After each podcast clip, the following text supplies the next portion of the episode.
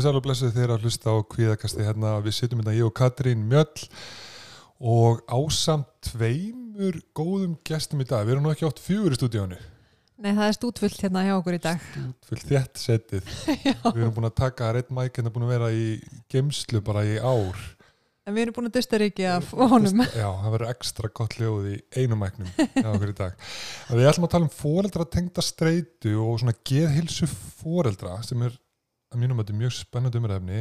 Ég er mjög spennt, ég er hérna með eitt sjömánaða heima og upplifið mjög Mhm. mikla fóreldrastreitu þannig ég er spennt að heyra í dag. Já, ég held að það verði mjög spennandi og við höfum alveg tekið þetta eitthvað fyrir í einhvern þáttum, við höfum talað um uppeldið, við höfum talað um tengslamyndun og tengslavand og svona.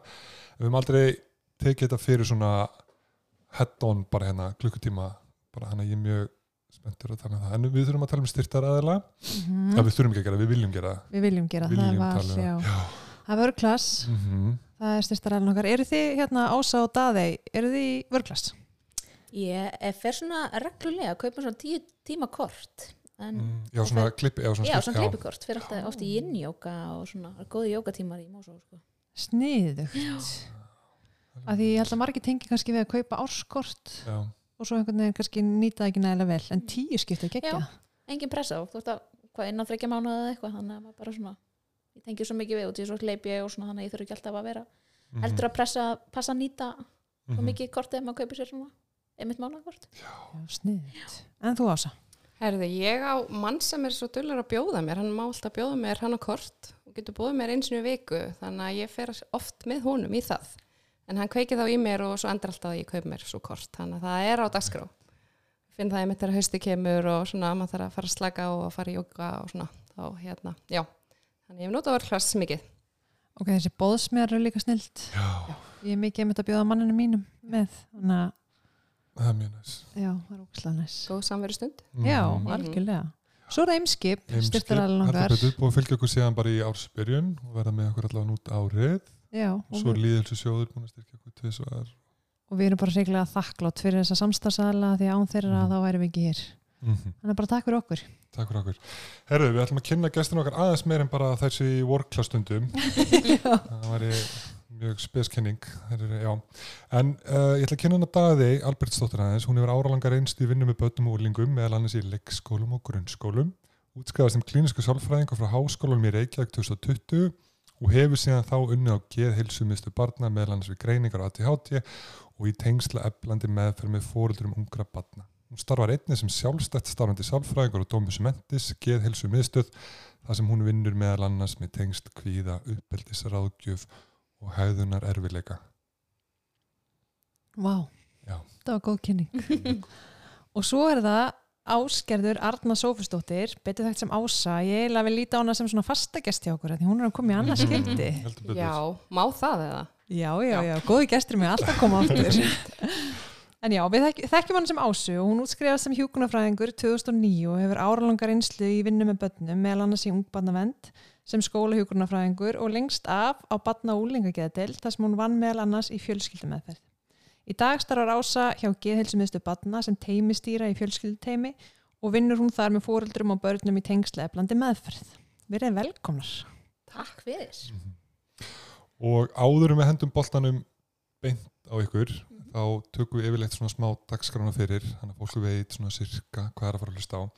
En ég ætla ekki að að fara yfir allt saman, en við ætlum að reyna að tala um svona streituna í fóreldrahlutverkinu, hvernig hún byrtist, spennustig fóreldra, gaglega verkfæri til að takast af við streituna í þessu hlutverki, hvernig megi stöla bætum samskiptu við börnin sín, hvernig megi koma í veg fyrir til þess að missa stjórn á skapi sínu, þegar bad síni krefindi hegðun, ég held að það verið mjög skemmtilegur umræðapunktur og af hverju við bregðumst illastundum við í sumum aðstæðum en öðrum ekki.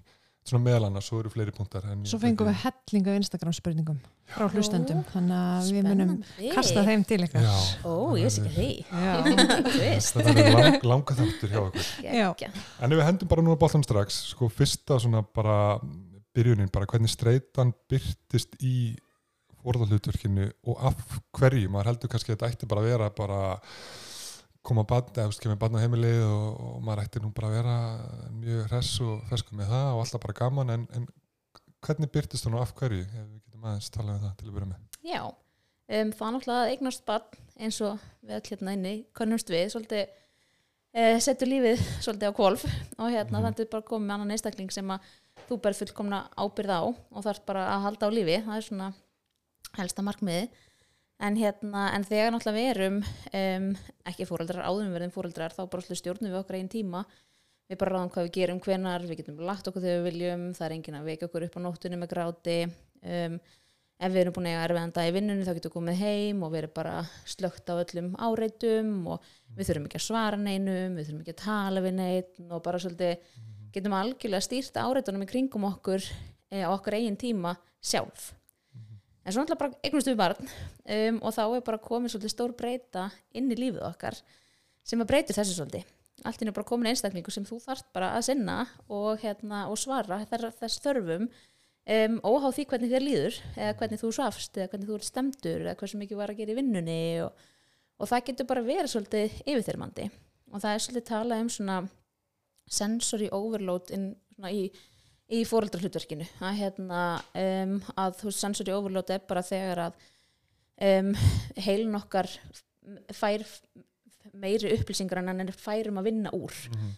um, og þá verður bara svona of örfun í rauninu á, á skinnfærunum okkar og hérna og þá bara virkast náttúrulega kvíðaviðbræðið okkar og streitu viðbræðið þannig að, hérna, að það getur bara verið svolítið yfirþyrmandi. Þú veist áður fyrir gáttu við verið bara eitthvað á rocktónleikum og djama fram eftir og, og skipti ekki máli og okkur fannst það ekki derfitt og svo núna bara það að hafa sjónvarpi í gangi og viftuna yfir eldursun á sama tíma erum við bara þú veist bara maður höndlar það ekki. Veist þannig að það er bara átti því að við erum bara svolítið overwhelmed um, skinnfærin okkar. Um, og svo er þetta líka bara þessar alls konar nýlegt einstaklingu sem er rosa mikið utan á þér og sem er náttúrulega frábært og flestur fóreldrar upplifa það náttúrulega líka bara hvað þetta er dásamlegt en það er bara svo mikilvægt að megi líka tala um að það getur ekki alveg verið erfitt. Og, þú veist, og þess vegna þarf bara að hlúa svo sérstaklega að sér á þessum tíma. Já, Vá, mér finnst það rosalega áhugavert og líka bara einhvern veginn svona, það eignast bann ruggla pín í bara svona helstu grunnstóðum andlega Mhm. helsu, það er bara söfniðin fyrir rugl Mhm. og þú kannski nærist ekki af mikið og gerir ráður, getur ekki hrefti af mikið. Og svo þetta sensory overload sem hún talar um, það er einhver alltaf að snerta þig eða, einmitt, hellinga nýjum lyktum Einmitt, og sem er náttúrulega frábært. Og þú veist þá bara margir og fara í gegnum þetta og eiga þetta bara til dásalega stund. En svo koma líka tímabil sem sömur eru bara oh my god, bara hvað er ég komin út í? Og bara eru, finnst þetta yfirþyrmandi? Og, og það er bara svo mikilvægt einhvern veginn að taka svolítið skömmina líka bara af því. Og til það er bara eðla tilfinningar alla tilfinningar er rétt á sér. Og bara svolítið bara ok, hvað getum við gert? Hvað hérna, þú veist, og líka bara að það má tala um þetta. Já, mér finnst áverð að pæli að þú veist, það er alltaf bara munurinn fyrir batn og svo eftir batn og líka þessi, svona, þessi pressa maður kemur heim og sami í hvernig gýr maður er í þá þarf maður samt alltaf að vera að gefa af sér sko. og vera að performa. Já, og mér finnst líka að tala um þetta með sensory pælingarnar og svona overloadið. Það er líka svona hluti sem maður pælir ekkert endilega rosa mikið í en og bara ég pælir inni lítið í þannig sig sko, en Mhm. það sem fylgir batnið mitt með sensory overload, bara eins og tala um lyktinn og, og lætin, þetta verður svo sem hefur mjög svona stuðandi áhrif. Já, og sérstaklega ef maður er, þú veist, fyrir kannski hefur sögum geðraskanir, er með tögaþórska frávik, ADHD, einhverfur og við, þú veist, þannig að þessum að tögagerfitt er kannski nú þegar mm -hmm. e, næmt að, hérna, að þá er þetta ekstra erfitt. Algjörlega og kannski bara svo mikilvægt fyrir par að ræða þetta, veist, hvað er það hjá mér sem að trubla mig og hjá þér, af því það er líka svo ólíkt milli okkar foreldrana ef við erum saman í hlutverkinu og hérna að því að núna bara fer maður ekkert úr aðstæðum, maður gæti með vera rocktólingu með partí sem maður er að fríka út og maður bara fer, en þú ferð ekkert heima frá þér og bara skilur bara eftir. En þetta er svona, þetta er svo mikilvægt með þessa skömm og, og hérna og líka bara, þú veist, einhver sem upplifa það bara, þú veist, já að knúsa og, og vera með barninu mín og veita því allt sem ég get, en, en mér langar mest að íta því frá mér og fara inn að herbyggja öskra, þú veist, þessu fylgir svo mikið einmitt, bara vondar tilfinningar, þannig að þannig að það er svo mjög mikilvægt að kafa einmitt og ef maður fattar, ok, þetta er kannski bara áreitið og það er eitthvað nýtt að gerast þetta er eðlilegt, Já, þannig að maður svona losnaðast við það. Já, og maður bara hefur svo oft lendið í vinnunni að þú veist, maður er að hitta svona bugaða fóreldra sko og fara í uppbyldisrákjöf eða hefnarrákjöf og svona og þú veist, maður er yfirleitt alltaf bara við tölum mjög gleðið það eftir þú veist, bara að maður er alltaf að setja svolítið súrum skrimin á þau fyrst sko. Og, hérna, og mér finnst líka svo áhugavert veist, maður fer í þetta hlutverk og, og maður er alltaf einhvern veginn sami eins og ég sagði hann, sami í hvernig gýr maður eftir vinnuna eða eitthvað og það maður alltaf að vera samt að mæta þeim. Mhm. og þá svona sermárótt í fóreldrum og ég held að það hefur svolítið áhrif á hvernig streitan sko að það sumir fara bara all in eru bara vita börnunum fullkomna aðtegli og eru bara með þeim í öllu og sumir bara svolítið svona bakka svolítið og leifa þeim. Þannig ég held að það tengist líka svolítið streitunni að maður veit eiginlega alveg hvernig maður á mögulega að hegða sér af því að maður er bara að hegða, þú veist, það sem maður heldur og líka mynd með skömmina sko, ég held að hún spili inn í þetta líka sko. Eða make a sense. Og bara allt einhvern veginn í samfélaginu það er rosa mikið að gera hjá öllum og maður einhvern veginn bara barnið fer í alls konar tómstundir og íþróttir og svo skákafing og svo fer maður á bókarsapskvöldi eða mótnana og þú veist, þannig að maður þarf líka bara svona þessa sortar í kringum sig þú veist, er holdt að vera með allt og mikið að gera og, veist, og barnið mitt þarf líka alveg að upplifa það að koma heim og slaka og bara hafa ekkert að gera þannig að bara svolítið á þeirra líka þú veist einmitt em, aðeins að bara láta sér leiðast og finna upp hlut til að gera sjálft og svona og Mhm. einmitt og þetta bara það líka að vera fóreldri í dag við þurfum ekki að fara aftur, lengra aftur en tíu ár hvað þá þurfum komin 20-30 þar sem bara varst ekki um Mhm. samfélagsmiðluna til Mhm. dæmis, Já. þeir eru náttúrulega rosalega tímafrækir og áreitið og náttúrulega bara heilin okkar er ekkit þróaðir til að meðtaka svona mikið af upplýsingum. Um, við erum bara í áreiti, við getum verið í áreiti allan daginn, alla daga, alltaf. Og þú veist að meðtaka alls konar sem fólk er að gera. Og það getur bara haft rosalega mikil áhrif ofan á allt hitt sem er bara eðlilegar Já. breytingar, þú komið aðra breytur sem að þú veist, ég held að það spil líka bara rosalega mikið inn í, þú veist að við erum meira fann að tala um fóreldra kulnun og, og alls konar snót, því þú getur séð hvað allir aðrar að gera og akkur ég ekki gera þetta og heyrðu, við þurfum að, hérna, að vera ógæslega virka um helgina og fara í felgangu og, og baka köku og erum heima tilbúin mat alltaf og þú veist, en Þetta var sko algengasta spurning, spurningin okkur á Instagram. já, Bara hvernig samfélagsmiðlar Já. stuðla að íta undir kulnun já, og streytuenginni, bæði fyrir fóreldra en líka fyrir börnin. já, Þannig að þau eru líka að upplega streytu að vera um samfélagsmiðluna og fóreldrarnir þá Algjörlega. líka í rauninni. En ég er að spá að að ég man ekki alveg hvort þau tekið það fyrir á hann en ef maður er fóreldrar að hlusta núna og erum að pæla hvernig streitan byrtist í þessu hlutverki Mhm. Þú veist, ef ég var að hlusta núna svona er að hlusta núna þú veist, er ég að upplifa veist, hvað svona hegðun get ég reynd að grípa að mér Mhm. og svona nótir það að já ok, ég er að upplifa mikla streitu hvernig Já. myndi það byrtast svona helst það náttúrulega er náttúrulega úst einmitt ef þetta fyrir að hafa áhrif á til dæmis svefn mm -hmm. að hérna átt að vakna upp eða er þetta að sopna eða er þetta að vakna eða hérna, um, já og svo líka bara, þú veist, ef að þú ert oft í þannig aðstæðum, þú veist, ég upplifi þetta rosa mikið þegar ég einmitt, veist, er kannski búið með heilan vinnudag og er að kenna kvöldnámskeið, kem heim og ég er bara svona "Ó, það, þú veist, ekki tala við mig, slögt á öllu, veist, og ég bara finn bara hvað ég er út úr tjúnið. Og þú veist, ég þarf bara fyrir göngutúri eitthvað, veist, og þá er ég bara svona, ok, vá, þetta var kannski of mikið þessi dagur fyrir mig. Að hérna, og líka þú veist, ef þú ert kannski ítrekkað að snappa þú veist að þú ert að missa stjórn á skapiðinu við bara minnsta áriti kannski. Stuttur þráður. Já, þú veist, makiðin segir eitthvað stuði og þú bara komið kannski á öskriðið eða þú veist, eða barnið gerir eitthvað og þú bregst rosa harkalega við. Þú veist, þetta er allt streytumerki Mhm. og kannski líka svona þú veist að hugsa hvernig er dagurinn minn? Þú veist, er ég bara að keira mig áfram á koffinni og, og bara einhverjum svona sigri til að halda orkunni, ég held að orkulefili manns verði líka bara, maður er síðrýttur Mhm. þannig að hérna, já. Já, ég held að stuttu þráður, ég held að bara allir kannast þið það og ég Já. tengi það örugglega svona mest, bara ef ég finn á mér að ég bregst svona harkalega við út af ekki neinu, Já. bara eitthvað mjölk á borðinu eða eitthvað, Einmitt. og ég er bara eitthvað, hvað er ekki, þú veist, þá veit ég bara, ok, Já. það er eitthvað streit í gangi, en það er svo gott að vera líka bara með meðvitaður um það, algjörlega þú veist, að Og- fatta bara, já, Já, og, bara, og við tölum um þetta mjög mikið bara, þú veist, það er engin 100% fóreldri veist, það er bara fullkomlega eðlilegt stundum að missa stjórnarskapið sínu eða mm. bregðast þú harkalega við og til það bara, við erum öll mannleg við ása hérna kennum fleiri námskeiði mánuði um uppeldi og við tökum þetta alltaf bara mjög mikið framst við líka stundum missum, missum okkur og stundum segjum við hluti eða þú veist, eða bregðast þú harkalega við, það er bara til að við erum manneskjur. Mm þú veist bara, við tölum bara um svona good enough parenting, bara vertu 70% upp á þitt besta. Í 30% tilfellum þá ertu mögulega að fara að, eh, þú veist, mistiga þig og það er bara alltaf lægi, þú veist, og það bara skiptir máli hvernig þú kemur þá tilbaka þegar það gerist. Samanlega því, sko. Herðu, svo eru við bara komin í gaglega verkfæri, við fyrir bara beint í það til að takast á við, þannig að hvað, ef, ef maður er einmitt með hennar stutta þráð og kannski svefnu komin í rugl og eins og ásatala um bara koffin bara hérna til að halda sig gangandi. Hvað svona er það fyrsta sem maður ætti að horfa til svona að gera í þeim aðstæðum?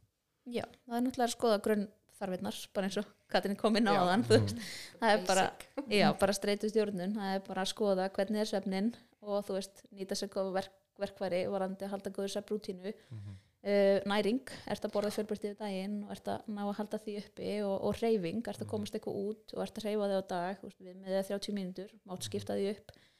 Og bara, eða þú veist, og bara eins og þú getur þú veist, þannig að alltaf náttúrulega bara eins og þig kannast líka kannski bara við eins og í meðferð, þú veist, ef þessir þættir er ekki í lægi, ef svefnin er ekki í lægi þá ert ekki að fara að innlega neitt. Nei, eða þú veist, og, og, þetta er svona það sem maður svolítið verður að byrja á. Og hérna, og svo tölum við líka mikið um þetta fylla á okkar tank. Við erum mjög hrifnar því. Já, að- að setja fast eins og í viku svona gæðastundi með sjálfum sér og hérna og ég svona deilistundum með mitt þeirri hérna, minni reynslu að þú veist ég með þrjú börn að fara ein í sund og þurfa ekki að tala við neitt og þurfa ekki að klæða neitt og þurka neitt bara vera ein og hlusta á þeirra það er bara my go to sko. Þannig að hérna að finna þú veist einhverja svona hluti sem er mögulegt að framkvæma. Þú veist ég er kannski ekki að fara að kaupa með kort í ræktin og fara fimm sinni í viku en þetta kannski gerir ótrúlega mikið. Kannski þarf ekki að sækja barni í leikskóla get farið í sund, fengið mér eitthvað að borða og komið svo heim í úlfatíman eða allir eru komnir í kannski svefn og bara já, þannig að, veist, þannig að við erum mjög mikið að leggja það til að, að hafa þessa gæðastund sem að nærir okkur. Já, og það má þá ekki vera að fara í kannski IKEA og kaupa tíu hluti eða, eða eitthvað svona þannig hluti er bara að gera eitthvað sem að þú veist að fyllir á þinn tank já. og maður getur svolítið svona þú veist, hvaða hlutir er þetta hjá þér þar sem að þú ferð og kem tilbaka og bara eitthvað oh my god, hvað ég bara full af orku og mér líður vel, ég eftir þú hefur mögulega verið að eyða orku eða þú veist, að bara svona hvað er þetta sem að þér líður ógesla með, með að gera og það getur verið svona mismandi mill okkar, þú veist tala við vinni eða vinkonur eða þú veist að f- fara út í göngutúr eða fara í sund eða fara út í náttúr og þetta er náttúrulega allt hluti sem við vitum bara út frá rannsóknum að hefur góð áhrif á, á geðhilsuna en svo er þetta svo mismunandi þú veist. Eins og þegar ég kem heim eftir mjög streittan dag þú veist þá vil ég helst bara fara í göngutúr eða gera eitthvað rólegt. Þú veist maðurinn minn er í þungarhókljómsett hann fer inn og þú veist og kveikir á magnaranum og, og spila döðarokk og ég er bara eitthvað hvernig er þetta róand en þetta bara slakar honum niður. Þannig að það er svo ótrúlega mismunandi mill okkar. En við þurfum að finna svolítið hvað er það sem að sem drýfur okkur áfram. Já, mér finnst þetta mjög áhugavert að því ég var einmitt að hugsa sko það er kannski sensory overload sem fylgir því að vera með fjölskyldu en það þýðir ekki að við þurfum kannski að fylla tankin með algjör þögn og einhverju rosa rólegu það má vera bara öðruvísi tegunda áreiti. Og sem er á þínum fórsöndum og því þú stýrir. Já. já, Hvað sögðu, var það einu sinni í viku? Nei, hversu oft? Við byrjum á raunhafi markmið einu sinni í viku. Það við er mælum með því allavega. Já. Já. en þú veist þetta getur líka bara verið tíu myndur hér og þar. Þú veist bara það að kannski annar aðalinn svæfir og hinn fara að fara í göngutúr þú veist, í staðan fyrir að þurfa að fara að taka til eða eitthvað skiljið, þú veist, bara eitthvað svona aðeins að hérna, bara reyna að koma sér inn um, og bara finna svolítið áhrifin af þessu. Mér finnst bara ávært að pæli að því að við tölum held ég aðeins um ánum byrjum að taka upp að þú þegar maður fær fórölda til sín í ráðgjöf eða uppbyldisráðgjöf eða hennaráðgjöf eða eitthvað að hérna og þau vilja eitthvað breyta einhverju hegðunni í barninu en maður er alltaf svolítið að bara fyrstu þrýr tímandun oft fara í það að veist, bara hvernig er sambandi á ykkur Mhm. þú veist, eru þið einmitt bara ásattalað um bara eitthvað að fara í sund einn og veist, eru það að hlúa ykkur? Og það kemur oft svona fóldurnum held ég á óvart. Veist, þau koma, er að tala um barnið sitt og ég eitthvað, tölum um ykkur. Og það er alveg áhugavert og mér finnst, ég tengi þetta svolítið þegar við vorum að tala um hérna, hittust og tölum um tengslaþáttinn. Og mér finnst þetta svona sittur alltaf í mér við gerum alltaf eitthvað ánum fyrir mig eitthvað annað. Og það svona sittur í mér og ég hef talað um þetta held í öðrum þáttum að við förum ekki hæðunamótum til dæmis ef að tengslinn er ekki góð. Og við förum ekki í að eitthvað að fara í þetta líka nema okkar helsa sig í góðu lagi heldur. Þannig að mér finnst þetta alltaf svona áhugaverið punktar sko. Já. og bara svona algjör grunnur sko.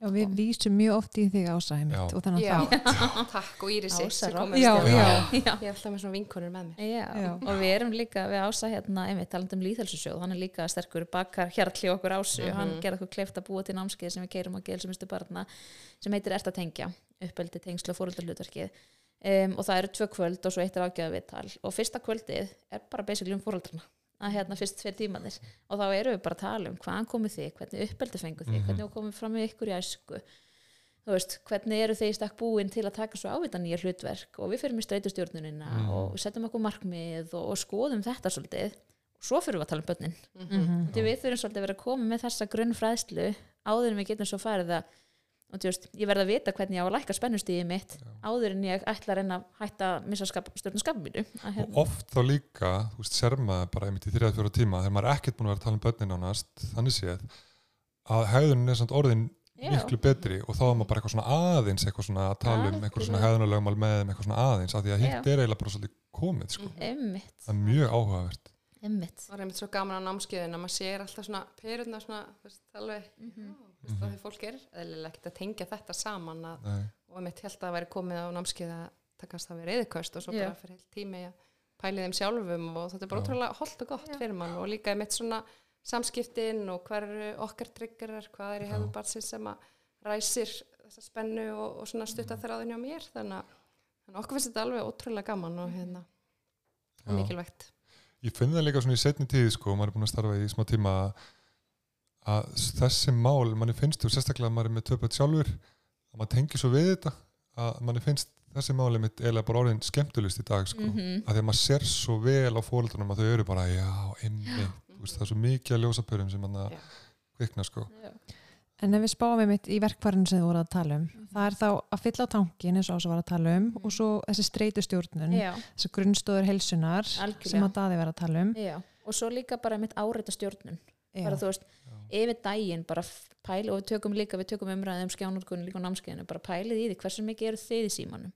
Þú veist, í kaffi eða í matalkli í vinnunni, þú veist, ef þið vinnið við tölfur þú veist, eru þið komin í skjáin líka þar að meðtaka og fá einhver upplýsingar eða þú veist, væri hægt frekar að fara í stuttan göngutúri kringum húsið, þú komast út þegar byrtan eða þegar sólinn hæst á lofti þú sem hefur góð áhrif á dægusveiflun okkar sem stiður undir góðan svefn og, og allt þetta, þú veist, ég er alveg orðin mun viðkvamari fyrir einmitt áritum núna svona í setni tíð. Um, þú veist, þannig ég, ef ég þegar ég fór út að keira er alltaf slögt á útvarpinu bílunum mínum. Og því að ég bara get ekki verið með stöðu áriti, sérstaklega eftir erfiða vinnudaga. Að hérna, að pæla bara svolítið í þessu og líka svo bara heima.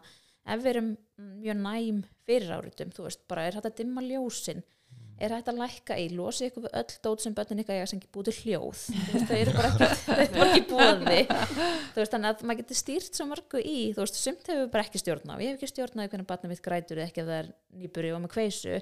En ég hef kannski stjórnaði að ég þarf ekki líka að fara úr þeim aðstæðum í aðrar háværir aðstæður. Þú veist, þannig að bara finna svolítið taktin hjá sér og stýra svolítið áritunum Og þetta er frábær punktur. Og því ég held að sé ótrúlega lúmst og líka bara ef maður spáir í eins og TikTok mm þú veist, eða bara Instagram þegar maður er að skoða hérna fítið sitt, það er rosalega mikið magna af upplýsingum sem maður er einhvern veginn að herja á mann Já. á mjög stuttum tíma og maður gerir sér ekki alveg grein fyrir. Og það bara smígur þarna einhvers þar einn sko og sem maður fætti það sko. Já, Einmitt. ég finn það núna, ég er alltaf svona þegar ég er að taka þetta, finn ég alltaf svona hvað er ég að fara að nota og ég finn það núna að tala um þessa áreitastjórnun þetta er eitthvað sem ég ekki tekið mikið fyrir ég finn það bara um að tala um þetta ég held að þetta sé alveg krúsjál partur einmitt að tala bara um hvernig dagurinn hjá okkur einmitt, veist, hvernig ert að nýta hátegisli ertu bara einmitt að skrolla ertu, þú veist, er hægt að draga úr Já. af því að það bara hlýtur að vera þú kemur heim að það hafi áhrif, þá ertu Já. meira undirbúin fyrir áreiti sem kemur þá sko. Já, og líka bara þú veist að við huga, ég meina heilin okkar er bara hannað til að hugsa. Við Já. hugsum fleiri þúsundur hugsunar á dag, saman hvort okkur líkar það eða ekki. Mhm. Og ef við erum stöðugt með áriti á okkur, þá gefst ekki tími til, að, til fyrir þessar random hugsunir sem allir upplifa. Og svo kannski ertu bara búin að allan daginn í stöðu áriti allan daginn, svo leggst á kottan á kvöldin, hvað gerist þá? Bara þú veist að bara koma allir hugsanina fram út því að hann þarf að klára þetta þannig að þú veist að líka bara hugsa þetta þú veist að þá kemur upp svefandi og þá heyrðu, settur upp podcast í eirun til að sopna út frá því þannig að það er kannski bara heilnaður að meðtaka kannski bara einhver upplýsingar meiri sem þú ert sofandi þú veist að bara svolítið reyna að vinda ofan af þessu Vá, mér finnst þetta frábært. Ég, bara, ég var ekki búin að hugsa út í þetta. Nei, ég bara mér líður eins og ég ætti að vera búin að hugsa Já, mér líka. Ég er eitthvað svona, ég á að vita þetta. Er ég ekki Já, en finnst þér, finnst ykkur við vera búin að kofera hérna svona helstu verkfærin? Já, Já, en ekki þetta Mér finnst bara líka bara svolítið áhugavert að skoða líka bara heimili sitt og þú veist Já. eins og bara, bara maður minnir með allt öðruvís hann vil hafa útvarp og allt í gangi og Já. svo kem ég heim og ég vil lækka allt þannig að þetta getur líka bara mynda svona pínu streitu í parasamböndinu einhvern veginn að vera á líkum stað með Já. þetta svo kannski kemur barnið mann svo bara hvað er matinn? og þá var bara þráðurinn farin sko og maður Já. hopp bara yfir línuna þannig að hérna, þannig ég held að sé mjög mikilvægt að skoða heimili sitt og, og reyna svolítið með þetta að hafa einhvern stað eins og svefnherbyggi sem svona minnst af áritum við förum alveg það að, að mæla með að hafa ekkert endilega sjónvarpið eða Já. vera bara inn í herbyggi og sofa og stunda kynlíf þú veist og hafa, hafa einhver starf í herbyggi eða íbúðinni rólegan stað til að fara á þegar maður finnur að maður er alveg að missa sig. Engin síminn í herbyggi eldur vekir á klukku ég bara, ef maður kemur heim með mig þá bara kveikja öll ljós og bara með útarpi Já. og ég alveg, svo er ég að hugsa þetta núna bara Já. þetta er kannski ekki sniðu Nei, og kannski börnin okkar ekki að höndla þetta og koma Nei. úr leikskólanum og við erum allt í gangi og þau bara þannig og svo tölum við náttúrulega um okkur sem við erum bara fullandi einstaklingar með fullmótaðan heila og full þróskað tögakerfi börnin okkar er miklu næmari og miklu viðkomið fyrir þessu Mhm. og þú veist, þannig að það er líka svo hinn peningur sem við tölum líka um bara, þú veist, við þurfum Já. að passa þetta rosa mikið varandi börnin okkar, hvernig áreitastjórnin er hjá þeim Einmitt. og við stýrum því náttúrulega rosa mikið sem Já. fóreldrarnir Já. en mér fannst svo áhugavert sem Ása var að tala um með hérna, ef við erum með mismundi þarfir í Mhm. sambandinu Mhm. hvernig leysir maður það ef að einn kannski vill hafa rosa mikið láreiti en hinn ekki Akkurat.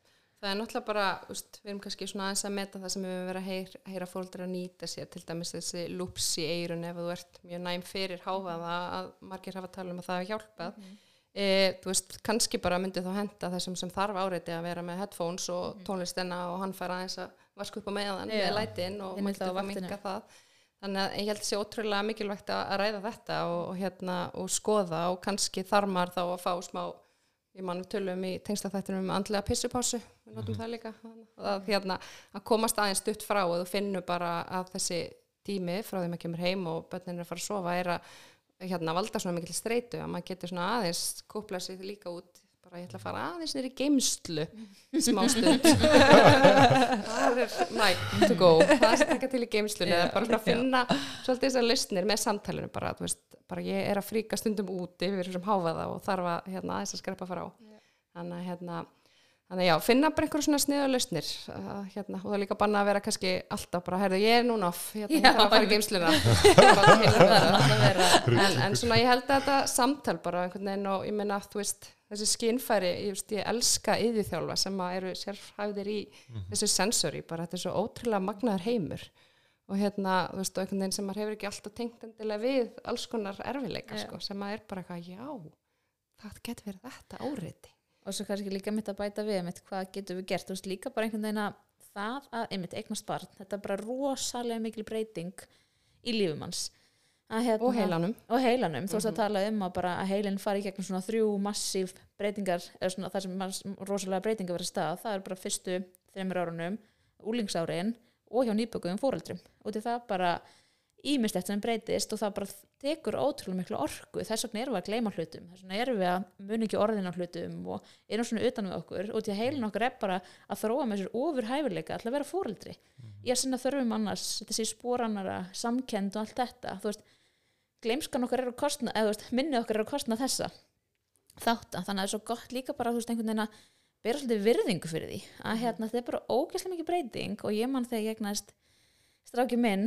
fyrir sex árum síðan og ég var bara þetta ætlar ekki, ég bara ætla að halda áfram að gera allt sem ég gerði áður og þú veist, fór ekki endaði í keisara og tveim vikum síðan var ég komin til land og ég hugsaði bara núna, bara hvað var að mér? Bara, okkur var ekki bara heima í einhverju hýði.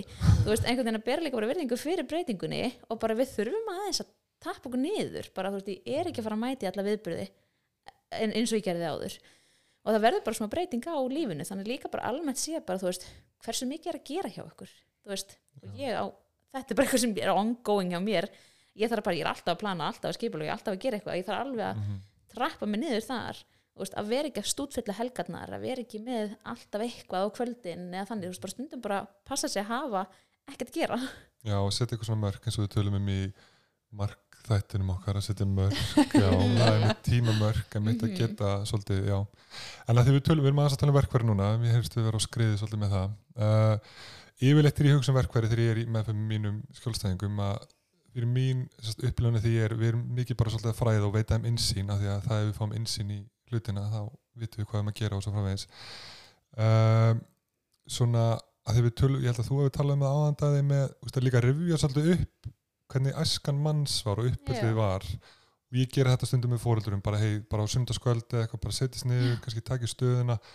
Og mér finnst þau oft svona sína sig kannski meira mildi skilja betur hvaðan þau eru að koma þannig að þeir eru svolítið líka að taka það á nálgun þegar þeir eruð og sjáu hvernig finnst ykkur þið, veist, það ganga þegar þið takið það umræði Bara, já, mér finnst þetta oft vera einmitt nýtt fyrir fólki, bara að, að hérna, hugsa þetta og, og hérna, við tölum svolítið um að námskeiðin einmitt líka bara þessi kynsluða munur, þú veist, bara einmitt fyrir einhverjum árum síðan, kannski fólkdur okkar og ömmur og afar, það var bara svolítið verið að vinna og það var ekki endilega kannski verið að tala mikið um tilfinningar eða orða tilfinningar, kannski bara þannig að þetta er líka nýtt fyrir okkur sem fóreldrar að þurfa að setja orð og tilfinningar og pæli í þessu öllu, þannig að mér finnst fólk oft kveikja svolítið perinu þarna og, og hérna ég nefnir svona oft dæmi líka bara með hérna, já eina miðju sem er bara alltaf feila, still og góð en, en þegar hún var yngri þá nota hún svolítið svona hún var ósatt að öskra og ég fann bara ég spentist upp og eitthvað svona og fór svolítið að kafa og fann þar einmitt að, að hérna, mömmu minni fannst þetta líka óþægilegt, þannig að hún hefur kannski svona sussað mig ef ég var svona, þannig að þannig að maður fattar þessa tengingu, af hverju og ég var alltaf bara, hún er alltaf svo stilt og góð og bara missi ég mig ef hún bara rétt svona notar, já, einhver tár og, og öskur. En hérna, þannig að maður svona að það er oft þetta sem er svo lítið sem hjálpa manni samt að, að, já, að meðtaka þetta í aðstæðanum ef að barnið maður sér að sína kannski svipaða hægðun og maður var sjálfur og veist, af hverju er þetta litla endilega að fara með mig svona hátt spennustig? Þannig að mér finnst fólk að tengja mjög mikið við þetta og hérna og líka bara svona emmitt, þú veist, hvernig var þegar ég átti erfitt eða mitti mig, gæti leita til einhvers, hver huggaði mig eða mm -hmm. bara held ég bara áfram og hérna og þá kannski á ég erfitt með að orða tilfinningarna mínar við barnið mitt eða eitthvað svolítið, þannig að þetta getur náttúrulega svona verið rosa gaglegt finnst mér mm -hmm. til þess að fólk svona finni þess að þetta í á sér. Já. Þetta er líka hluti sem maður bara ég held að enginn spá í ég, veist, ég held að ég hef aldrei eitthvað að setja heima á eitthvað svona hvernig var uppeldið mitt? Nei. eða rætta við vinnu mína eða eitthvað. Alltaf, já það var fínt já. Já. Já. og við hvetjum líka alltaf, við tökum þetta fyrir við hvetjum alltaf bara, þú eru góða sambandi við fólktíkar talið við þau, spurju þau bara hvernig var ég sem barn, hvernig, þú veist, var ég að taka skapars og köst, var ég þú veist, svonaði hins einn og hvernig tókast þið á við það? Og þess að getur líka, þú veist, einmitt þetta bara um leið og við erum aðeins búin að skoða þetta þá fáum við betri útskýringu á því af hverju við erum svo fyrir mm -hmm og líka þegar við skoðum þetta skoðum þetta líka með samkendi huga til fóraldra okkar og því að þau voru bara að gera þetta besta á þessum tíma þú veist við verum, með, við verum allt öðrum staðvarandi bara hvað við vitum um tögaþróska barna og heilaþróskan og hérna vitumnaþróska og allt þetta bara sem við vitum í dag sem bara var ekkit vita þá börn mm -hmm. áttu bara einmitt að sjást og ekki heyrast og þau áttu vera mm -hmm. þæg og þau áttu ekki að segja neitt og þú veist og hérna þannig að það var allt annað viðþorf veist, og einmitt það var þá líka okkur hvernig uppeldinsringu fóröldur okkar veist, var mögulega verið að beita ótrúlega miklu hörku og þú veist þannig við erum bara svolítið svona að skoða þetta í samhengi mm. og þá er einmitt bara, einmitt, horfa á þetta svolítið með samkend Mér smargir líka fólkdur að tengja við svona kannski ef, að, ef þau hafa átt fólkdur sem hafa svolítið svona settu pínu bómul, þú veist, var kannski við notum svona ring sem við erum að skoða þar við barna og, og ef maður kannski ofljótur að kalla barni inn þá má ekki fara kannski á klífur og maður verður kannski svona mhm. óöryggur þá er alveg líklegt að, að barnið manns fari að verða þannig eða mynda smá kvíða eða þannig, þannig að fólk eru svo mikið að tengja við það að horfa á hvaða þarfir á ég erfitt með hjá barninu mínu að mæta Hvað eru dæmum fleiri þarfir? Heldur en nefnitt svona að, að leipa barninu eða bara já, leifa því að fá sitt sjálfstæði að einhverju já, marki? Já, þetta er svona útfara á þarna Circle of Security það sem að, hérna, og þetta er svona svo þægilegt að þetta er svona svo sjónrænt svona myndir og, og þá eru sérst hendurnar okkar þessi örugahöfn og bara þegar bann fæðist þá náttúrulega eru við alveg með bannið alveg hjá okkur og svo kemur þetta þroskastega við förum að hleypa eða eins lengra út og leis og þá er einmitt bara svona að tala um efri og neðri ring og efri ringun er þá meira bara svona að fara út og, og gleðjast með mér og hérna fylgjast með mér og svona og það eru fólk kannski á auðveldar með það. En svo að neðri ringnum þá eru kannski þarfir eins og að að hérna mitt er bara verið óurugt eða hrætt og þarf að koma inn og fylla tankin þá kannski þarf að við þurfum svona organisma feelings svona valdara tilfinningar og þú veist að hérna einmitt á efri partinu með batni svolítið fara út í heiminn að kanna og hérna og prófa svona sjálfstæði sitt og allt þetta og svo mm -hmm. þegar kemur næri ringin þá er að koma tilbaka fylla tankin og til að það þarf að komast í örgi og komast í ró og, og fá og hjá og til við erum náttúrulega bara líka tilfinningarstjórnbarnana til að byrja með mm -hmm. Er það við og kortlegjum svolítið, þú veist. Sumir er erfitt með erfiðpartin, sumir er erfitt með neðripartin og það oft helst rosa mikið í hendur varandi bara uppeldi sem við fengum. Mm -hmm. Vá, komið þetta áhugavert. Ég er að mynda að fara í mati með pappa eftir ég ætla Hvernig uppeldi við ekki? Hvernig uppeldi við einhver þið? Já, Herru, ég er svo meðutur um að við hefum svo mikið eftir að dasgrá, þannig ég ætla að henda mér í næsta ég veit ekki hvort þú séum búin að taka það fyrir, við erum búin að tala svo mikið hérna hvernig með stuðla bættum samskipti við börnin sín, hvernig getur við svona nálgast þennan umræðapunkt Já, ummitt. Það er bara svolítið að læra að lesa í þarfir barnum okkar hvað þau er að tjá og hvað mitt og mitt eins og við erum búin að tala um, bara Mhm. lesa í okkur hvað við erum að með og hvað við erum öðvöld með og af hverju og skoða þetta uh, við mælum alltaf með þessum gæðastundum mm -hmm. uh, mælum með að, hérna, að fóreldrar reyna að koma þeim inn daglega og þá við að tala um bara þú veist að það er ekki verið meina 15 mínútur eða 20 mínútur bara tími sem barni veit af. Og að veita að það er bara þá tími þar sem að það er engin sjónvörp, engin tæki pappa er ekki símanum, það er bara annað fóreldrið feð með barninu og gera það sem barninu langar til að gera. Mhm. og þetta er bara svolítið við segjum bara já og við tökum á móti, við hefum ekki frumkvæða samskiptum þau bara algjörlega stýra. Um, og mér finnst oft gott að hérna, einmitt huga því þú veist að maður bara svolítið spekla barnið. Þú veist, og, og spekla þroskastíð sem barnið er á. Veist, ef barnið okkar er að lita og það er að krassa þá eru við bara líka að krassa, við erum ekki að teikna einhverja geggjaða mynd af einhverju þú veist, einhverja þannig, og ef það er að veist, setja kaupanum saman og henda þeim niður þá bara gerum við það líka, en ekki vera að byggja turn, þú veist, þannig að það er eitt, og svo náttúrulega kemur inn á þetta bara eins og með, með skapið ef að taka, taka þann punkt þá líka bara. Já, nýgast það. Já, og þetta er einmitt hvernig kannski komið vekk fyrir það að við missum stjórn á, á skapin okkar. Og það er einmitt líka svolítið bara með þetta að, hérna, að, ok- að finna út hvaða triggerarnir okkar eru. Veist, í hvaða aðstæðum er það sem að ég farin að, veist, finna fyrir svona líkamlegum viðbröðum þar sem ég kannski farin að eins að býta saman og ég farin að eins að anda örar, þú veist, og koma einhver hugsunni fram og ég fann að vera pyrruð og svona stuttir í þráður, þú veist, ofta er þetta einhverju svona, þú veist, það gerist alltaf í sömu aðstæðanum oftast. Að, hérna, að þú svona pinponta þær um, og þegar þá við erum búin að áttu að græði bara ok, nú, ég er farin að gera veist, ég er farin að bara kannski veist, kreppa hnefana eða þú veist, eða bara svona alveg sem að standa á mér. Ok, ég þarf kannski bara að fjarlæga mútur þessum aðstæðum. Þú veist, og ég vil freka gera það komast hans í burtu, ná að anda og þá ég fá annan aðlan inn á meðan í staðin fyrir að snappa bannið mitt. Að, hérna, að reyna að vera pínur svona proaktív. Já, ég er einmitt og uh, maður tala einmitt mikið um þetta einmitt að þú veist, bara einmitt að fá þessa innsýn einmitt hvað aðstæður eru, Já. þú veist, hvaða hlutir eru það nákvæmlega í þessum aðstæðum og einmitt við tölum um aðdraðandan og afleðingarnar og allt það Þú veist, bara hver er aðdraðandin, þú veist, er þetta alltaf beint þetta leikskóla, þú veist, er barnið svangt og bara komast aðeins nákvæmlega einmitt Mhm. hvað það er ég held að það sé öruglega klálega svona fyrsta skref einhvern Já, og þá er þú veist eins og hérna að hafa aðskráningunni, þá er alltaf Mhm. svolítið kortleika hegðum bassins, Mhm, en við erum líka bara svolítið kortleika hegðum fóreldrana. einmitt, Að þessi bara, þú veist, einmitt, hvaða, hvað er þetta hjá okkur, sem stuðar hjá okkur, alveg óháð því út í að það getur verið svo mismandi líka mellir fólks. Fyrir suma er að skapa svo köst, sumir eru bara ógæslega góður í að handa að skapa svo köst. Aðrir er það kannski þegar barnið kemur grátandi til manns og þú veist, þannig að þetta er svo mismunandi hvað það er sem að, En svo er þetta svo erfitt líka að maður er alltaf, alltaf með tvo foreldra, skilju, og þeir eru svo ólíkir Mm. Já. og, og maður lendir alveg reglu líði að annarkvæmt mamman að pappin eru svona gefið mild og bara svona gefa ofta eftir og svo er pappin eða mamman er mitt svona hinnaðalinn svolítið strangur og þá oft svona, eins og við vitum með styrkingaskilmál og allt það, ef að hefðinu stundum styrt þá náttúrulega bara og þá er svo mikilvægt fyrir fóldrarna mitt að ræða saman og vera búin að ákvæða reglur og hvað á að gera í hverjum aðstæðum og það svona gleymist oft. Það er bara eitthvað svona, já, þú veist, ég er bara díla við þetta svona hún díla við þetta svona og maður er eitthvað, nei, þú veist, við verðum að vera samstiga. Þó þetta lúki kannski eins og einhver lítill hlutur þá er þetta samt eitthvað sem að þá færist yfir í annað eins og við vitum. Þá bara, einmitt sammála. Algjörlega.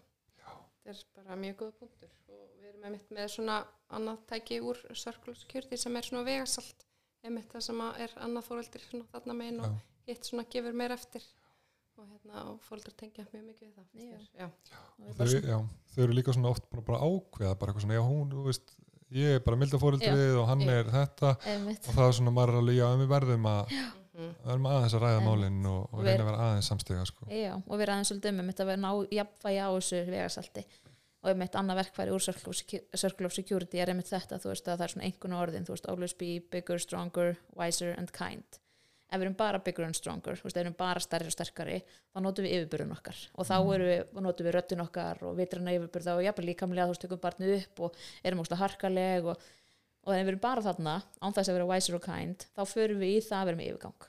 Mhm. en aftur á móti ef við erum bara kind og ekki bigger and stronger og wiser þá fyrir við í það að vera með undarlátsemi. Og því þá kannski setja mörg og svo stend ég ekki við þau. Og því að mér finnst það óþægilegt Mhm. að þú veist að ég læt bara frekar eftir. Og þá erum við alltaf að rokka á þessu veðasalti annar fóreldri hér og hitt fóreldri þar eða tveir fóreldrar og barni veit kannski ekki alveg hvað við hverju eru búast hverju sinni Já, ég held að fólk Mhm. upplifa ofta einmitt að það sé ef maður er einmitt að benda þeim á bara þurfum að vera að skýra og allt það, þá upplifa ofta að það sé eins og það er bara að vera gett strámt og gett leðilegt, en eins og þú segir, þú veist, þetta er ekki bara að vera eitthvað byggur og stránger, þú veist, við þurfum að hafa hitt þarna með Já. líka og hérna einmitt, það er svona uppáhaldsorðin mín Já.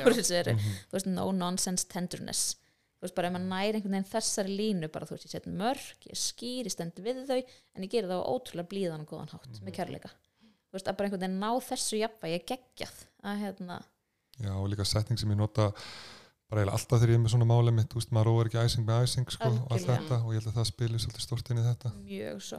Já, einmitt, hvernig getum við haldið ró okkar í stöytum vandaðastæðum og það kemur líka inn á þessu tölu um áðan. Ef Mhm. við erum út úr streitt og við erum bara með virt högakerfi nei, virt hérna streitu viðbræð í gangi kannski yfir mest allar partin deginum því við erum bara í einhverju svona þannig ástandi þá náttúrulega erum við miklu líklegri til að snappa þetta er líka svona lína sem að ég finna alveg að fóreldrar grípa gett, þetta er svo ógslag basic lína og svo komið aftur timmin og þau eru alveg, já, við tókum alveg eftir, við æstum okkur þegar hann var æstur Já. og hann var ekki alveg, maður er alveg, já, einmitt. Þetta er bara svona lína sem svona heila líma einhvern veginn, algjörlega. Þarf ekki að vera eitthvað, já, Það þarf svo að vera mitt þessi þetta heila lím sem að í aðstafanum sem að þarf að grípi bara, já, alveg rétt setningin eða myndin Já. í mannana til þess að einhvern veginn að ná að yfirfæra í 70% aðstaf. nefnilega og svo bara þú veist og svo þegar það gerist að þú veist einmitt að við bara missum stjórnarskap okkar eða við þú veist bara öskrum jafnvel eða segjum eitthvað sem við viljum ekki segja þú veist að það er bara er mannlegt. Ok, hvað ætlum við að gera í því? Þú veist þetta er á minni ábyrð ég er fullorðin einstaklingurinn hér en þetta er samt eðlilegt. Ok, þannig að þú veist að þá að koma tilbaka og bara heyrðu þarna var bara mamma rosa mikið að ruglast. Bara ég átti ekki að segja þetta við þig. Bara mér finnst það ótrúlega leðilegt og þarna líka er þetta bara svo ótrúlega mikið og gott svona fordæmi fyrir krakkana. Og því að til að þau geti sínt samkend þá verður þau að sjá hann í verki hjá einhverjum öðrum. Og við erum að kenna þeim það með þessu. Að þau sjá bara okkur, pappi er mannleg eða fóreldra mínur er mannleg. Og hérna Gerum mistök og gera mistök og, segja. Já. og þegar þau gera það þá bara byrstu afsökunar. Mhm. þú veist, og því að maður líka allt- oft eitthvað svona, ég voru að segja fyrir geðu hann fyrir geðu, Mhm. sem bara hefur enga einu stæði skilur við, Mhm. að bara þú veist, kennum um þetta bara frekar svona. Mhm. og þá bara áttu þau að segja á því að hérna, ok, hvað er þú veist, hvernig viltu díla við þetta? Þú veist, já, fyrir gefðu, þú veist, og svona meira inni- innilegra, sko. Ég finn það eins og dóttir mín, sko, því að einmitt bara eins og við erum mannleg og maður verður stundu pyrraðar heima og eitthvað svona. Og dóttir mín er alveg orðin, hún er svo vön því að ég komi eins og um daginn, þá fór inn í herbyggjum var að fara að svo og ég eitthvað svona laðist hjá henni og eitthvað hún er alveg bara nánast bara pabbi, ég veit hvað þú var að segja. Eitthvað, eitthvað, eitthvað, já, fyrirgeð hún eitthvað, já. Eitthvað, veist, þannig að já, ég held að skipta alveg máli samt. Veist, veit að, hún veit að ég er að fara að segja það og allt það, en ég held að skipti samt máli að maður síni það og geti spjallað um það í Já. rólegheitum og og líka líf. bara, einmitt, yfirfæra þetta líka bara, ég meina hvernig myndir, þú veist, ef þú myndir missa stjórnarskapiðinu við samstagsfélaga þinn eða maka þinn, eða einhvern annan þú veist, þú færir alltaf, heyrðu bara sorry, vá, ég var bara ótrúlega eitthvað illt fyrir veist, það var mjög leðilegt ég ætla bara, hérna sorry með mig, skilur við, já, það er þetta mjög góða punktur. Já, Maður myndi alltaf maður myndi alltaf gera það Já. þarna. En svo þau einhvern veginn með börnin, maður bara nei, þau hefur bara hérna, að læra og vita betur Já. og, já, og þá þarf maður líka passa að segja ekki, já, þú bara varst svo mikið svona og þess vegna varð ég svona reið. Já, þú veist að við erum alls ekki þarna þarna erum við bara að varpa skuldinu batni þú gerði mig reyða freka bara að ég veistu fyrir gefðu ég bara, ég veit ekki okkur ég var svona reið núna. Ú, og strákurinn minni mitt sexura er líka mjög vanur þessu. Og hann er fann að segja mamma, þú ert að nota reyða rödd.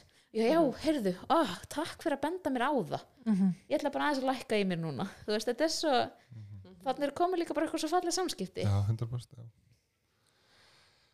Herðu, hvað eigum að fara í næst? Uh, við erum búin að tala hérna um einmitt greina hvað hegðum passa sig ykkur óþægilega tilfinningar á fóreldrinu, vorum svolítið að tala um að einmitt kortleggja það svolítið hjá okkur sjálfum. Uh, Hvað eigum að taka fyrir næst, Kata? Ertu með uh, Jú, hérna, ég er enda mjög spenntur verið þessu Akkur er fóreldrar berast við illa í sumum aðstæðum en með öðrum ekki, ef við pælum aðeins í því hvernig Akkur allir það sé? Já, akkurat. Við erum náttúrulega svona svolítið rætta í námskeiðun okkar að hérna, já, þú veist, við fyrir alltaf í þannig grunn, streitan og allt það sem er búið að ræða hérna áður, en, en, en við erum svolítið að fá fóldri líka til að hugsa svona hvaða er hjá barninu mínu, hvaða hegðun er sem að tryggjara mig. Og eins og þú sagði bara, þú veist, akkur er ég að bregðast svona illa við þessu hjá kannski þessu barni og svo gerir barni hitt það nákvæmlega sama og ég er ekki að bregðast við. Þannig að við svona hjálpum fóreldrum svolítið að kortleggja hvaða hegðun er svona fyrir utan hringin sem að mér finnst auðveld svo svona þegar fyrir að þrengjast hérna, þú veist, rammin og maður finnur öll þessi líkam lenginni en hérna, já, Já. þá notum við hákalla tónlistina mikið Mhm. og hérna, það er svona eitt verkværi líka Já, sem að við, við notum. Að Ú, ég er bara að segja þér meira. Jós Já, að það er basically bara svona, þú veist, einmitt, hvaða tónlist spilast undir þegar þú horfir á badnið þitt, skilur, þú veist, að þegar þú ert í búðinu og þú tekur eftir að, að það er farið að vera svolítið órulegt og mögulega að fara að taka skapasokast er þá bara svona þú veist, undirlega, skilur, þá ertu bara eitthvað ræsist kviðaviðbræði, skilur, að hérna, þú veist, að hvað er það hvaða hegðun er að, hérna er að stuðla því. Og svo líka bara, þú veist, náttúrulega bara auðvitað dagsformið okkar, þú veist, bara hversu vel svaf ég, hversu vel er ég búin að næra mig í dag hversu mikið var að gera hjá mér í vinnunni.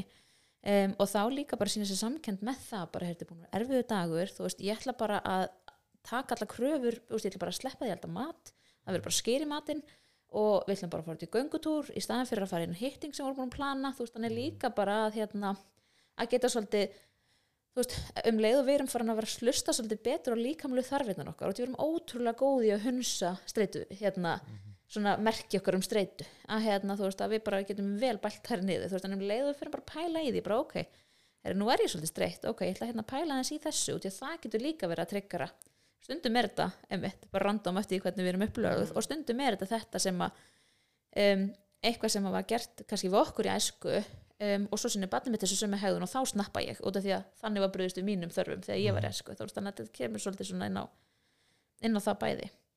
Já, mér finnst áverð að tala um, minnst það á mitt með kvöldmatt og ég tengi það líka eitthvað við svona áratustjórnun líka að ég ætla að sé svona rótgróið í samfélaginu allan hér að við verðum að elda alltaf eitthvað svaka kvöldmatt Mhm. svo þegar ég hitti fólk sem er bara eitthvað já, við erum stundur bara með eitthvað samlöku og mjólka Mhm. eitthvað og ég er bara eitthvað af hverju er ég ekki þarna, skilja mig. Einmitt. af því að þetta myndi spara manni svo mikið svona, já stress eitthvað með ég Já. bara mæli með því að við fluttum um húsnaði fyrir tveimur árum síðan. Ég, við eldum ekki kvöldmátt í þrjá mánuði. Veist, og við vorum bara öll í heitri máltíð í hátteginu já, þú veist, og svo vorum við bara alltaf með eitthvað breymitt, bara skýr eða egg eða, þú veist, brauðið eða eitthvað þú veist, þetta er svo, en bara það, þú veist, við settumst alltaf niður, þú veist, og alltaf bara klukkan á þessum tíma, þá settumst alltaf niður og borðuðu en hérna, en þá þarf ekki að vera einhver svaka nei, máltíð frá grunni, sko. Og líka bara borða fyrir, þú veist, krakka koma oft sunga heim eftir leikskólan og maður eitthvað að gefa maður að borða smá og svo aftur kvöldmatur þannig að eins og normenn gera, þú veist, þeir borða 5, hálf 6 eða eitthvað bara kvöldmatinn og þá er svo góð geðstund einhvern veginn eftir matinn en, en hérna, já, akkurat þannig að ég held að maður þarf líka getur einfaldað svo margar hluti og allt þetta góða sem kom eftir COVID að geta panta bara beint úr búðinni heim og alla, já, Mhm. tilbúna rétti og svona, maður á bara að nýta það líka já, ef það er hægt algjörlega. En, en mér finnst svona, já, þessi, þessi hákalla tónlist er, er mjög gagli og, og einhvern veginn þegar maður kveikir þannig á þessari peru hvað þetta er sem er að, svolítið að kveikita viðbra hjá manni og hérna, og kannski hægt að tengja líka, þú veist, kannski var ég sem bat skamma fyrir einhvern ákveðin hlut og meðvitað tryggar það hjá mér þegar barnið mitt gerir eins og ég er alltaf fann að skamma og veit ekki af hverju mér finnst þetta óþægilegt. Ég tek alltaf svona dæmi með það, ég man alltaf þegar maður heldur niður mjólkuklasi á borðið, þú veist, þá var þetta alveg svona, þú veist, maður ekkert skammaðum beint, en, og ég man bara, þú veist, ég var alveg heil lengi bara svona, af hverju skiptir þetta einhverjum máli? Þurrkum þetta og það geta allir ekki síg og svona, þannig að það er svona, svona, svona hluti sem maður kannski bara ómeðvita að koma inn í bara daglegt líf hjá manni og maður fattar ekki eins og af hverju maður er eitthvað að pyrra sig yfir þessu. Svo skiptir þetta einhverjum máli, heldur. Mér finnst líka bara svo fyndið að pæli stagamun einhvern veginn. Þú veist, og það náttúrulega tengist öllu bara einmitt áriðstjórnun og allt hvernig við erum hugsað okkur sjálf eða hugsa um okkur sjálf. En einmitt að takast á við krefandi hefðin maður finnur svo veist, bara í dag kannski er ég bara mest chillar í heimi bara það er bara búið eða sjónvarpi og ég er bara eitthvað ah, en næsta dag þá kannski einmitt sulla eitthvað smá niður og ég bara það bara svo fyndið að pæla í Já. maður finnur þetta svo sjálfur. Þetta er svo ógæslega mismunandi. Algjörlega og um leið og maður fyrir að vera næmar líka á bara sér sjálfan Já. á, næmari á hvernig dagsformi hjá manni er þá getur maður þá líka þessa daga einmitt sem maður er illa fyrir kallaður bara ok, sínt með samkend mm og aðeins bara einfaldað. Og ég man alltaf eftir þessu einmitt, ein- eftir eitt bara frábæran dag í vinnunni. Þá hérna, þurfti maðurinn minn að skutla stráknum mínum til mín og við ætlum að fara saman íkja ég á strákurinn. og hann tekur eitthvað bara eitt mesta skapasokasti sem hann nokkuð tíma tekið sko á bílaplaninu í mjóttinni klukkan 5, það voru bara ógisla margir þarna að horfa mig, díla við einhvern fjagrara gutta öskrandi og ég var bara þetta er ekkert mál. Bara ég gat svo vel höndlað þetta og ég var bara svo ógislega vel fyrir köllið en þú veist, einhvern annan dag hefði ég gjörsanlega panikað og brúðist alltaf harkulega við og bara svona alveg bara, þú veist, þannig þess að getur verið svo mismunandi Já. og þarna held ég þessi svo ótrúlega mikilvægt að maður fari mitt annarkort hlusti mitt á þetta podcast eða fari á námskeið ykkar og sé búin að setjast niður með makanum sínum og bara svona leggjast yfir þetta bara hverjir eru kveikina mínar, hvernig var uppeldið hvernig Já. er áreita stjórnurinn okkar heima Einmitt. þetta eru svo margi þættir sem þau eru búin að fara yfir núna sem maður er ekkert að tala um Já. og er ekkert að spá í en er bara algjörlega krúsjál í bara uppeldinu þegar maður Já. bara heyrir þetta og heyrir ykkur tala um þetta. Og gaman að segja frá því, ég og Ása elskum svo mikið að tala um þetta, að við ætlum að vera með hérna því tvær vikur, 12. oktober er bara svona örnámskið um fóreldra tengda streitu, uh, bara hvað er til ráða gagliverkfæri fara svolítið að kortleggja í við ætlum bara að hafa fáa og hérna hafa þetta á Teams. Þannig að ef fólk er spennt fyrir því þá bara endilega kíkja. Við ætlum að setja hérna að vera auðlýsing á Facebook sem er bara mitt fóreldra tengd streita sem fólk getur leitað eftir bara viðburður og bara hver sem er getur mætt á. Já, hver sem við getum mætt á. Það hérna, kostar 7900 krónur kvöldið og hérna og ég mitt, við erum bara í góða verkfæri og, og fræðslu um akkurat þetta. Vá, frábært, ég er bara spennt. Já, ég fyrir á náttúrulega- þetta með loga. Og svo náttúrulega námskeið okkar sem við erum að keira líka á, á hérna á gilsmistu barna. Það er svona fer aðeins víðar yfir bara svona, tekur aðeins fleiri þætti og er aðeins lengra og hérna en það náttúrulega svona bara einmitt að kafa svolítið djúpt í þetta og hérna og já, En þarf maður að fá tilvísun í það námskeið? Að getur hver sem er skráð sig á það? Hver sem Bara er. hver sem er, það Já. er bara hérna heilsugjastlan.is undir námskið. þú getur líka bara einmitt googlað, ert að tengja? Já, eðislegt Það var ein Instagram spurning sem að við hefum ekki náða að svara. Uh, sem tengist svolítið svona kannski bæðin og skjánótkun en líka bara hann mikla sjálfsefa sem að fóreldrar upplega mikið Já. í dag. Það er náttúrulega svo ótrúlega mikið af upplýsingu sem maður er að fá einhvern veginn frá samfélagsmiðlum og það eru alls konar hérna, uppeldi sem maður á að fylgja og sumt svona stangast á við hvort annað. Algjörlega. Þannig að hvernig á maður að díla við hennar sjálfsefa sem fóreldri í dag? Já, við byrjum alltaf námskeiðin okkar á að segja bara hér eru að fara yfir ímislegt sumt sem þið bara þekkið og vitið, annað ekki sumt sem þið viljið nota og annað ekki þú veist, þó að við séum hérna um, fagmentar í þessu þessum efnum, þú veist að þá er við kannski að segja eitthvað sem að bara passar ekkert inn í ykkur líf og það er bara allt í góðu lagi, maður bara alveg taka það sem manni finnst gott og, og skilja eitthvað annað eftir. En varandi samfélagsmiðluna, þú ert komið með svo óge, ótrúlega mikið af alls konar einstaklingum sem er fagmentaðir, aðrir ekki að segja alls konar hluti, þannig bara vera svolítið gaggrinn náttúrulega á hvaðan, hver uppsprettan er, veist, hver er þessi einstaklingur? Veist, er hann með eitthvað á bakvið sig? Er hann með einhverja þekkingu eða, sér, eða sérfræða þekkingu í þessu? Um, og líka með tölum um þetta svolítið á námskeiðinu okkar að bara með skjánugun, hvaða rödd er í haustum á mér þegar ég er að skoða Instagram, þú veist? Er ég að skoða hérna, ég sé að stóri hjá Ásu, hún var í fjallgöngum helginu og er ég bara, oh my god, akkur er ég aldrei í fjallgöngum með börnin mín hún bakaði bananabrauð, þú veist, akkur er ég aldrei að baka bananabrauð, þú veist, akkur er, þú veist, hún er bara, veist, og við erum svo oft þarna að þú veist, þá bara átt að segja á því líka, þetta er algjörglansmynd að hérna, þú veist, við erum ekki að fá upptökur af skapasokostum hjá börnum sem öll börn fara í gegnum og öll börn taka og því það er bara eðlu partur af þroska. Að hérna, og þessar sem, þessi sem gera sér út fyrir að bara eru áhrifavaldar, þú veist, þeir eru í vinnu við þetta, þeir hafa miklu meir tíma til að sinna þessu og gera þetta. Þannig að þú veist, ég náttúrulega mælu með, fyrir árið síðan þá bara tók ég út alla samfélagsmiðla í tvær vikur og Instagram hefur bara ekki komið inn aftur. Þú veist, ég kannski kíkja það á fjagra mánuða fresti þá næ ég aftur í appi út, ég hendi ég bara alltaf út og ef ég þarf að skoða eitthvað en einhver, einhver sendi mig skilbóðið eitthvað. En bara vá hvað mér leið miklu betur. Ég tók líka Snapchat út. Þú veist, þetta bara, þetta, bara losna við þetta áreiti er svo gott fyrir mann. Þannig að þú veist, allavega taka pásu reglulega og vera með skjátíma fyrir sjálfan sig. Þú veist bara, ekki eftir kvöldmat ekki þegar krakkarnir eru heima ekki fyrstu klukkutíman mótnana. Þú veist bara svolítið að skamta þetta. Og því að sjálfsefin held ég sé líka bara svolítið uppsprettan af því að hafa alltaf hennar samanbörð þú getur alltaf, þú veist, hérna áður fyrr fyrir sam, samfélagsmiðluna þá gast ekki að sé hvað Stulli var að gera um helgar eða hvort að hann var að standa sér vel í fórhaldhlutverkinu eða ekki. Ekki nema hann mætti á kaffistofun á mándi og sagði að hann hafi bakað bannabröð og farið í göngutúr. Þú veist, þá var þetta bara eitthvað miklu eðlilegra. En bara núna sjáum við þetta alltaf. Þannig ég held bara það að takmarka nótkunina þarna eða bara henda þess út það mun gera rosalega mikið. Og svo bara með passa, sína okkur samkend bara heyrðu, ég er hérna með þessi verkvari og ég er með þetta í bakbókanum mínum. Þú veist, sam, ég þarf að vinna þetta einhvern veginn saman og, hérna, og er að gera mitt besta. Og bara, þú veist, Katrín er kannski bara með betri verkfæri og hérna, þú veist, að reyna líka svolítið að sjá þetta bara svona.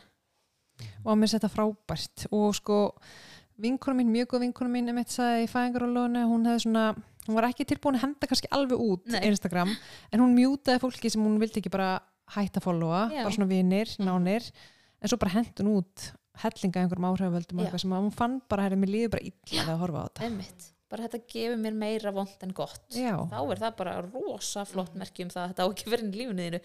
Þú stjórnar þessu. Já, en maður er einhvern veginn ómeðvitaður um þetta eins og bara svo margt sem þeir eru búin að vera að tala um í dag og líka bara eins og með snabbtjættið þetta er svo mikið, mann finnst maður alltaf þurfa að svara og veist, þetta er eitthvað svo skrítin samskipti og ég manni þetta, ég tók alveg til og fór úr svona mörgum grúpum að því að eftir vinnudaginn var ég bara með, veist, einhver svona fimm vinnuhópa og vinkonur og saumaklub og ég var bara, býtu, hvað var þess að tala um? Og misti bara samhengi þannig að, þannig að létta bara svolítið á og bara frekar að hitta fólki Já. og vera ekkert með samvinskupið og það fyndi sko, ég fór úr grúpum og allir voru bara, er alltaf læg, kom eitthvað fyrir? Og ég bara, nei, nei, þannig, að, þannig að við erum einhvern veginn orðin svo háð þessum samskiptum Já. og, hérna, og bara velja svolítið vel fólki sem að maður vill eiga þessi samskipti við pressunni bara minna að gera þannig að ég var alltaf eitthvað, ú, hann er að gera eitthvað fyndi ah, næ, ég síman tek það upp, þú veist líka einhvern veginn bara þetta bara fór alveg það var bara aldrei, veist, ég var aldrei að vera að taka vídjóninu skilju, þannig að þetta var hérna, veist, það var bara ekki bóði og því að ég er bara ekki með þetta þannig að, og vera líka bara, muna það að þó maður sjá alls konar hluti að, veist, börnin okkar bara sækja í tengslinn við okkur og bara, veist, það tala um fyrsta mánuna þegar börn fæðast, þau þurfi ekki dót þau þurfi bara andlitið okkar og bara það að sitja með barni sem er að leika og þó að sé allt í drasli, þú veist, barnið er að fá nákvæmlega það sem það þarf, þannig að við þurfum alltaf að passa, veist, þó að sé drasl og við náum ekki að gera allt sem ykkur langar að, veist, við erum með barninu, við erum að mynda augkontakt og þegar það lítið til okkar, það sér okkur og við erum glöð og rólega, þú veist, það er að fylla á tankin hjá þeim en ekki hvort við förum í eitthvað, já, eitthvað skemmtiland eða það sé með gaman stundum en, en þarna þessi svona kvestaslega mómentur það sem við þurfum. Já, svolítið bara frekar á að halda. Og þannig rektu við tengslinu og bara við sjáum það bara í rannsóknum á hamingju og það sem skiptir mestu máli varandi hamingju fólks er hversu góðum tengslum það er í fólki í kringum sig mm og samskiptin. Já, mér þetta með þessi, þetta auksamband líka svo mikilvægt. Bæði sko, æ, ég bara fann sjálfa því nú er ég fæðingrólu og ég var kannski bara í símanum og svo sá ég að barnið mitt var að horfa á mig Já. og ég var bara ekkert að horfa á hann. og ég hugsa bara, guð, hvað barninu mínu hlýtur að, hann hugsa bara, er vá, hvað þessi sími, þetta tæki hérna hlýtur að vera merkilegt. Þannig ég bara svona, ég fann herðið, ok, það þarf, það þarf að minka þetta. Já. Já. Þú veist, Og reyna að efla þessi tengst Já. sem þið er að tala um. það er fullt af mómentum bara í daglega lífinu að Já. gera það og líka það mitt bara, þú veist, auðvitað, við getum alveg verið í símanum en þá bara afmarka það þú veist, bara Mhm. Eins og ég og maðurum tóku núna átaki september, skjálu september. Það er eftir að búa með þér. Ég mjög erfitt. Hann er samt til í allt, ég Ég skil það ekki.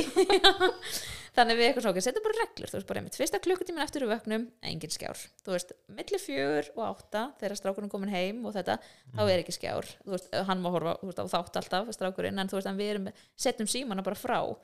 Og eftir, þú veist, hérna tveim tímum fyrir háttíma þetta gengur ekki alla daga, alls ekki en maður er, svona, maður er meðveitar um þetta bara, veist, ok, þetta er svona, þetta er rammin sem mig langar að setja að hérna og svo það bara mjög sem þetta milli heimila hvað virkar og hvað virkar ekki og hvernig það henda þú veist, en bara svolítið að finna út fyrir sig hvað, hvernig maður vil hafa þetta.